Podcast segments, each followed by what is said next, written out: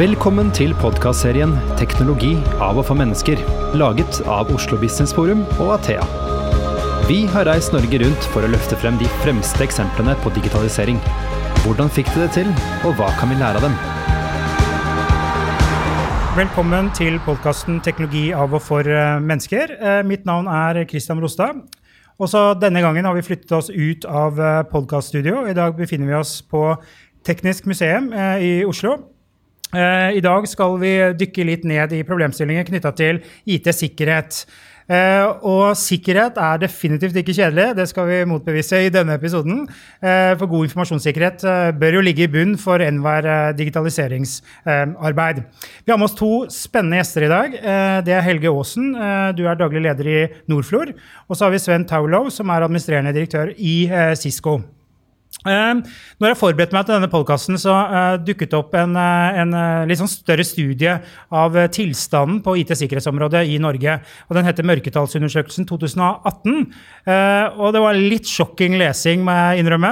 blant et av de tallene, Jeg skal ikke ramse opp alle tallene, men der mener jo da av de virksomhetene som er spurt, da, så mener jo 67% at sikkerhetshendelser da, som oppstår i løpet av året, skyldes tilfeldigheter eller uflaks. Uh, og da liksom tenkte jeg, uh, Sven, uh, hva er egentlig status på IT-sikkerhetsområdet i Norge? Står det skikkelig dårlig til? Ja, jeg vil si at både i Norge og i verden så er vi i en situasjon som er litt ikke så vanskelig å fikse som klimaspørsmålet, men det er relativt mørkt, nesten som 1,5-gradersundersøkelsen fra IPCC i FN, som man kan lese nå og bli litt mørkredd av. vi er bakpå, og det som har skjedd, er jo at cybersecurity er blitt veldig sentralt i det statlige spillet på jorda. Dvs. Si at det er ikke noe som nødvendigvis en hacker gjør for å tjene penger på noen, men man har fått mer angrep som går løs på kritisk eh, samfunnsinfrastruktur. Og så er det sånn at det er veldig vanskelig å, å kontrollere de angrepene. Så mange av de store hendelsene som har skjedd de siste årene, det har jo vært i et utgangspunkt i en fremmed stat som prøver å påvirke en annen stat, gjerne gjennom en såkalt proxy, altså en, annen, en, gruppe med gode folk innenfor hacking. Eh, men så har jo da dette smittet videre helt fullstendig ukontrollert, og så har det rammet vanlige virksomheter over hele verden. Så eh, sånn globalt sett så er vi, er vi litt bakpå og trenger å gjøre noen ordentlige grep for å komme mer i kontroll. Eh, det er det ene. Og så tror jeg på den positive siden at kjennskapen til at dette er et problem, er blitt allmenn. Fra å være at det var noen få mennesker som brød seg om det, til at det er mange som bryr seg om det. Og så er det dessverre slik at kunnskapen er ganske lav. Og det er særlig en kombinasjon med at det er veldig få som egentlig har kompetanse på området. Vi mangler veldig mange folk innenfor det domenet som vi kaller da for IT-sikkerhet eller cybersecurity. Eh, hvis du skal eh, liste opp liksom de mest vanlige formene for eh, sikkerhetsbrudd? Da, eller hva er det som kan skje i en norsk virksomhet? Hva vil du si da? Ja, altså den klassiske, Mange sier jo at e-post er død. At det er mange andre måter å kommunisere på. Men tallene innenfor cybersecurity er veldig klare. 90% av alle angrep innenfor cybersecurity går igjennom e-post som det vi kaller for en vektor. Altså der hvor angrepsflaten, der, der de lykkes. Eh, og bak det så ligger jo også en menneskelig feil. Nemlig det at man klikker på et eller annet som gjør at noe installeres på datamaskinen din. Slik at folk for kan, uh, hackerne kan lese brukernavn og passordet ditt på andre applikasjoner eller websider, og så gjøre en, gjøre en del skade. Det er vel den aller viktigste delen. Uh, og så har du noe som er mer framtredende de siste årene, som har vært mer drevet av de statlige aktørene. Det har jo vært at man kompromitterer, altså si installerer skadevare, altså software som er ond inn i det man kaller for legitim software, altså vanlige softwareapplikasjoner. Det beste eksempelet på det var den store hendelsen som het NotPetya, hvor de som ble truffet, var det store danske eh, containerskipfirmaet Mersk, som i utgangspunktet ble rammet av at det var sannsynligvis Russland som angrep ukrainsk infrastruktur via en skattebetalingssoftware på noen servere i Kiev. Og så spredte det seg rundt i hele verden. Så, så det, da, da, gikk man da inn i en software som alle skulle tro at var helt fin og sikker. Og så spredte den seg gjennom, uh, gjennom den angrepsvektoren, som man kaller det. da. Så det er liksom to forskjellige måter å komme seg inn i en virksomhet på. Så er det den tredje, som fra, begynner å bli mer framtredende. Og det er gjennom ting. Eh, og det er fordi at nå kobles det veldig mange millioner ting på nettet. Eh, og de går gjennom den samme livsløpet som det mobiltelefoner og PC-er har gjort i form av modnett. Så veldig mange av de tingene har veldig enkel programvare. De har ofte brukernavn og passord som er admin-admin, f.eks. Eh, og så klarer man å komme seg inn i et bedriftsnettverk gjennom en sånn ting. Og så klarer man å flytte seg gjennom nettverket over da på f.eks. servere osv. Eh, som er mer kritisk for bedriften. Et, et morsomt eksempel men det var jo at noen som klarte å komme seg gjennom en, en ferskvannspumpe på et akvarie i et kasino i Las Vegas for noen måneder siden, og så klarte de å robbe da kasinoet for masse penger. Mm. Litt kuriositet, men uh, det var nok ganske alvorlig for dem. Mm. Så det er de tre områdene. Helge, hva, hva tenker dere om uh, sikkerhet uh, i Nordfjord? Ja, vi har jo uh, ikke noe sensitiv informasjon på serverne våre. Det er jo mappestrukturer og forretningssystemer, kunderegistre og vareregistre. Men vi, hva vi tenker om det Vi har jo hatt opplevelser hvor, hvor våre selger- og salgsklienter har blitt hacka.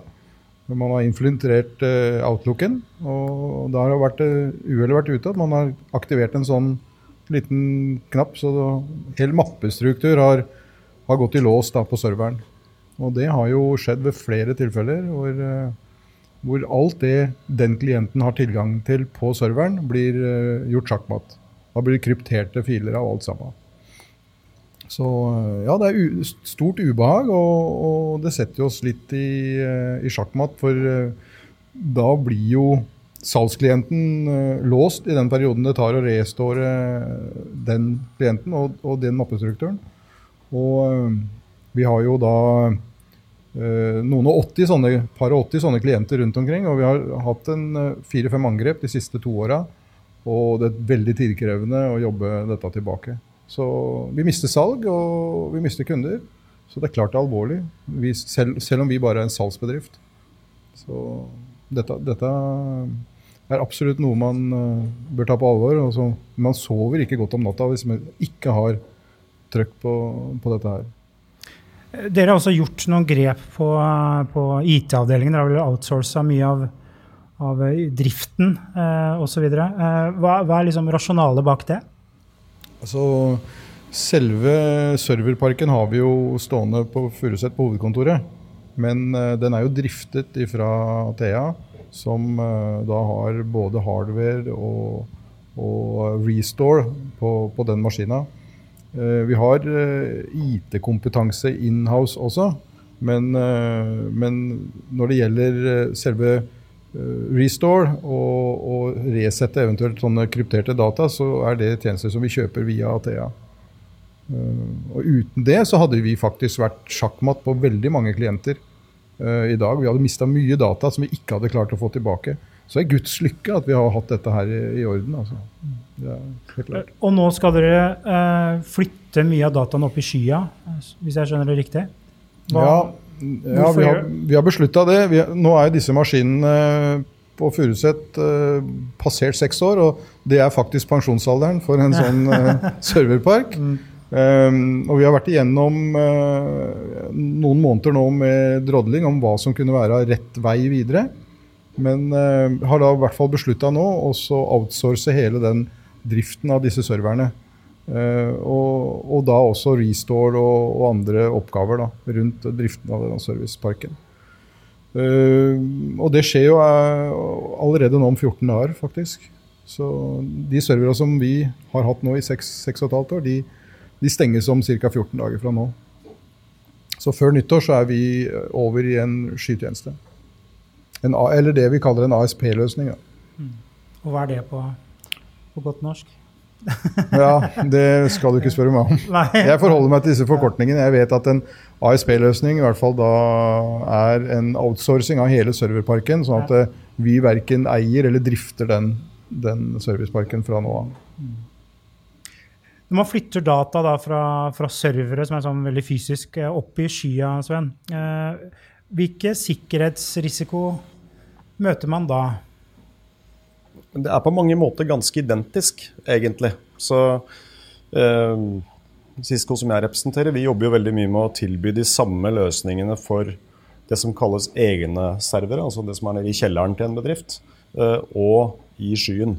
Så, eh, så man, må, man, må, opprettholde den samme type hygiene i infrastrukturen sin, på, både på software og på hardware, når man er i skyen som om man er i, i kjelleren. Um, så man kjøper egentlig tjenestene, om det er hos Asher eller Amazon eller hvem det skulle være, eller Google eller IBM. Uh, bare at du gjør det da i skyen, og da kjøper du sikkerhets... Du kjøper brannmurer, du kjøper eh, deep packet inspection, du kjøper det meste av sånne typiske teknologigreier som man bruker for cyber security. Det kjøper man også i skyen, så det er ikke så veldig stor forskjell, egentlig. Og så er det tilbake, jeg vil bare påpeke det, at én ting er teknologien, men det andre er menneskene som bruker dette her. Og måten man setter opp systemene sine slik at man kan klare å finne ut av om noe skjer feil. Og Det er liksom litt av utfordringen nå. det er at Vi har tenkt litt sånn som vi drev med kringvern i militæret før når man var på heimevernøvelse, Så fikk man beskjed om å sette seg rundt et bygg og beskytte det. Eh, og så tenkte man at det kommer jo aldri noen inn i huset så lenge man satt rundt. Men nå er det jo sånn at stort sett så må du anta at noen er inne.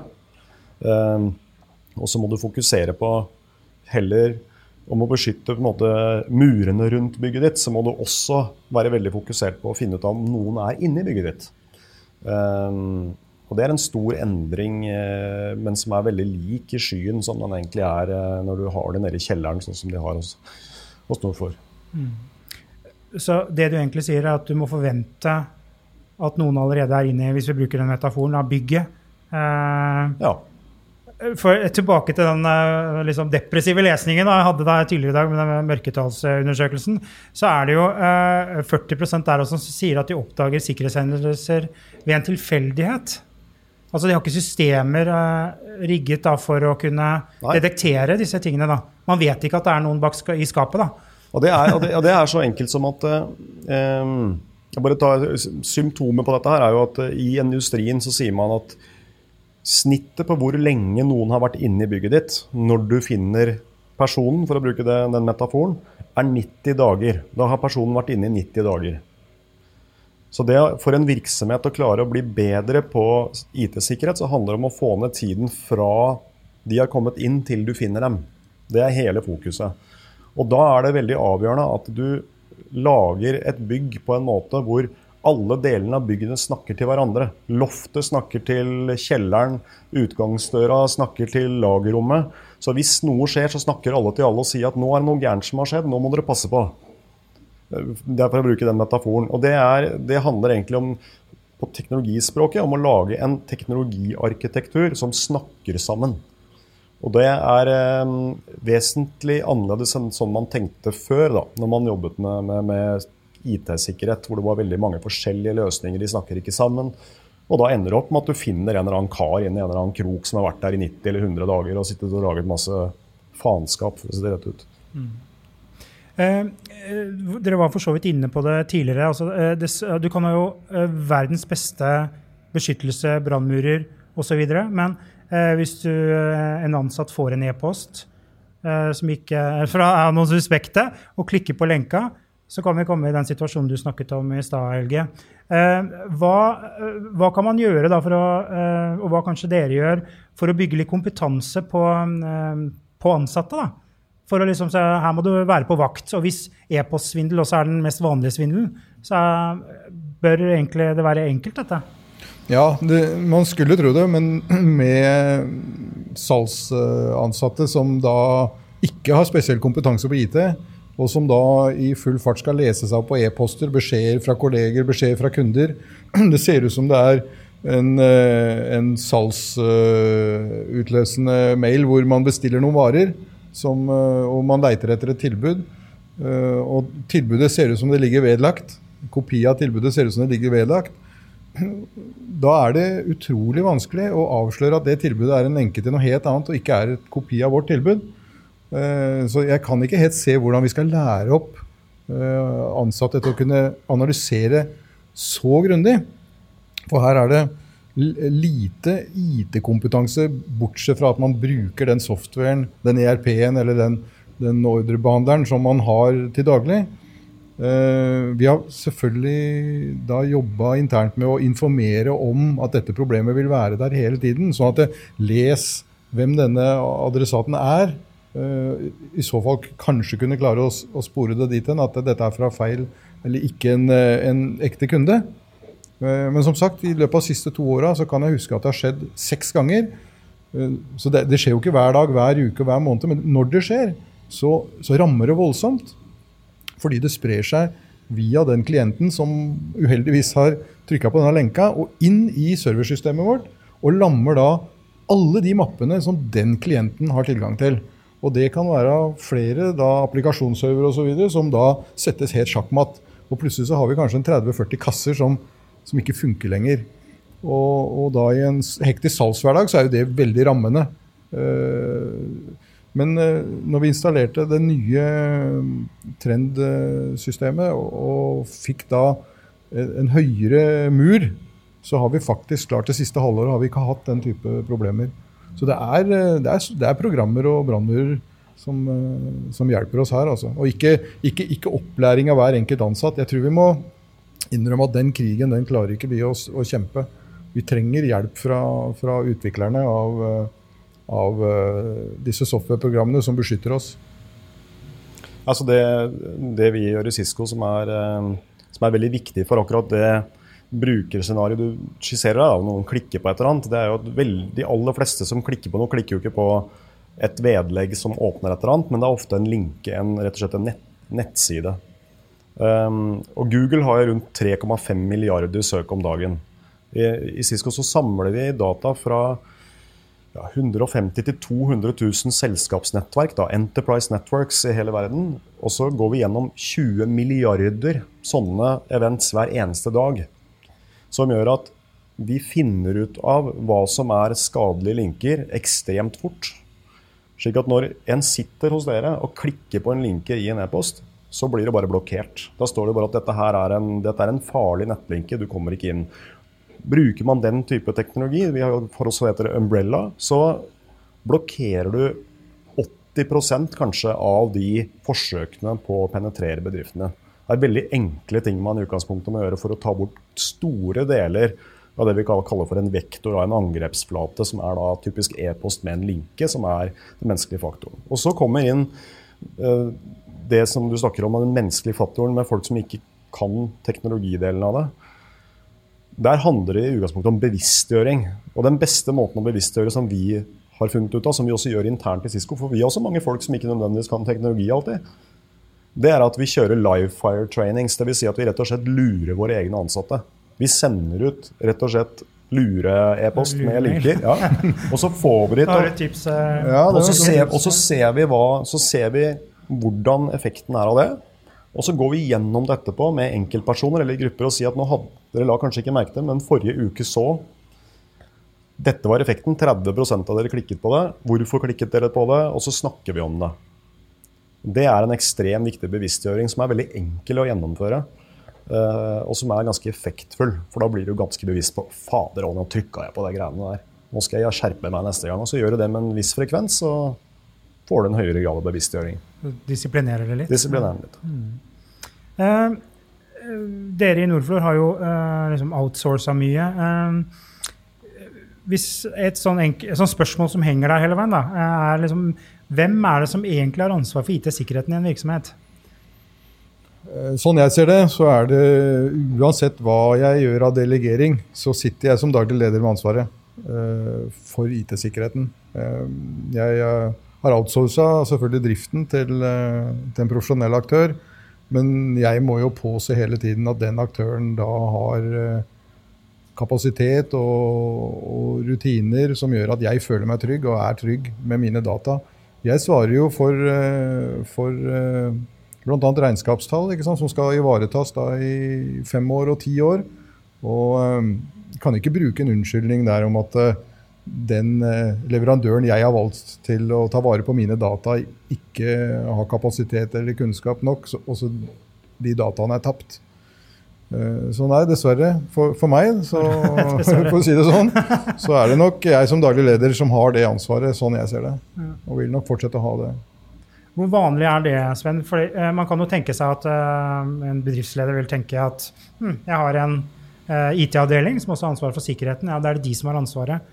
Eller er det nå sånn at dette er eh, på, på lederbordene, disse ja, det, jeg, spørsmålene? ja, det jeg sa innledningsvis, så er egentlig at kjennskapen begynner å bli ganske høy. Så det, det er nok et veldig vanlig spørsmål å, å stille i et styre f.eks. Til, til administrasjonen, og så stiller du spørsmålet er, er vi sikre. Og Svaret på det er jo det er helt umulig å vite, men du kan i hvert fall gjøre alt du kan for å få ned etc., etc., eh, risikoen for det. Så jeg tror nok kjennskapen definitivt er det, og at man i økende grad ser ansvaret fordi man har hatt så store hendelser også i Norge det siste, siste året. Så mm, det kommer seg. Men kunnskapen derimot, der har vi litt å gå på. Ja. Og som du også nevnte innledningsvis, at uh, vi mangler jo mange hoder med IT-sikkerhetskompetanse. Ja, det, det, Hvordan kan man løse det, da? Ja, altså, for, å bare følge opp litt det vi snakket om i stad rundt, rundt, outsourcing ikke outsourcing. Jeg tror det er veldig avhengig av hvis du som bedriftsleder eller virksomhetsleder også i det offentlige, altså hva slags type infrastruktur eller informasjon er det du egentlig forvalter. Det er altså én ting eh, er å drive en salg-markedsoperasjon med relativt lite hva skal vi si, eh, intellectual property rights eller patenter. Uh, noe annet er å, å, drive et selskap som driver med en nasjonal nettdistribusjon av strøm, eller kraftverk, eller et sykehus, eller osv. osv. Uh, og mange av disse virksomhetene vil jo nå bli rammet av en ny sikkerhetslov som kommer nå 1.1. Og det er fordi at myndighetene ser at totalforsvaret i Norge og all sikkerheten i Norge er avhengig av at mange sektorer innenfor det sivile faktisk fungerer. Forsvaret vårt klarer ikke å operere uten at sykehusene fungerer. Så enkelt er det. Um, og det, det, Den tankegangen tror vi nå begynner å synke mer og mer inn i, i vesentlig større deler av samfunnet enn det det var før. Så, um, og så det, så der, der, driver de i utgangspunktet nå insourcer i ganske stor grad. Så det er veldig avhengig av hva slags type profil man har, fordi det er få folk. Og, og, folk som kan cybersecurity, er vanskelig tilgjengelig, de er ofte kostbare osv. Så, videre, så noen av dem velger å gjøre det, men andre velger ikke å gjøre det. og fordi de ikke har virksomhet som, som trenger det. Og Så er den langsiktige problemstillingen hva gjør vi med det? Og I Cisco så har vi jobbet nå, begynt å jobbe med myndighetene og diskutere okay, hvordan kan vi i fellesskap i privat-offentlig samarbeid klare å få fram flere kandidater som kan cybersecurity. Vi regner med at innen rundt ti års tid så kommer det til å mangle 5000 kandidater innenfor cybersecurity bare i Norge. Worldwide nå så er det én million ledige jobber. Altså Hvis du er ung i dag og lurer på hva du skal drive med, interessert i teknologi, så er det ikke noe spørsmål. Hvis du har lyst på, hvis du syns cybersecurity er interessant, da skal du bare begynne på det med en gang, så er du sikra jobb. Så, men det er et langt spørsmål. Jeg kunne svart eh, sikkert i ti minutter om det. Men det, det, handler om at både privat og offentlig må samarbeide. Og det handler om at man må starte helt fra grunnskolen av med hva er, hva er egentlig IT, hva er cybersecurity. Hva er egentlig internett henger sammen. I Frankrike har man gjort mye mye mer for på dette her enn man har gjort i Norge. Bra. Eh, vi har kommet til veis ende. Eh, tida går fort når en har det moro. og Her har vi bevist at eh, IT-sikkerhet er jo ikke noe å kimse av. Eh, Helge Sven, eh, tusen takk for at dere kunne komme. Og tusen takk eh, til deg som lyttet på. Du har nå lyttet til podkasten 'Teknologi av og for mennesker', laget av Athea og Oslo Business Forum. Følg oss i sosiale medier og på nettsiden vår athea.no. slash podkast. Vi setter utrolig stor pris på om du gir podkasten en vurdering i iTunes.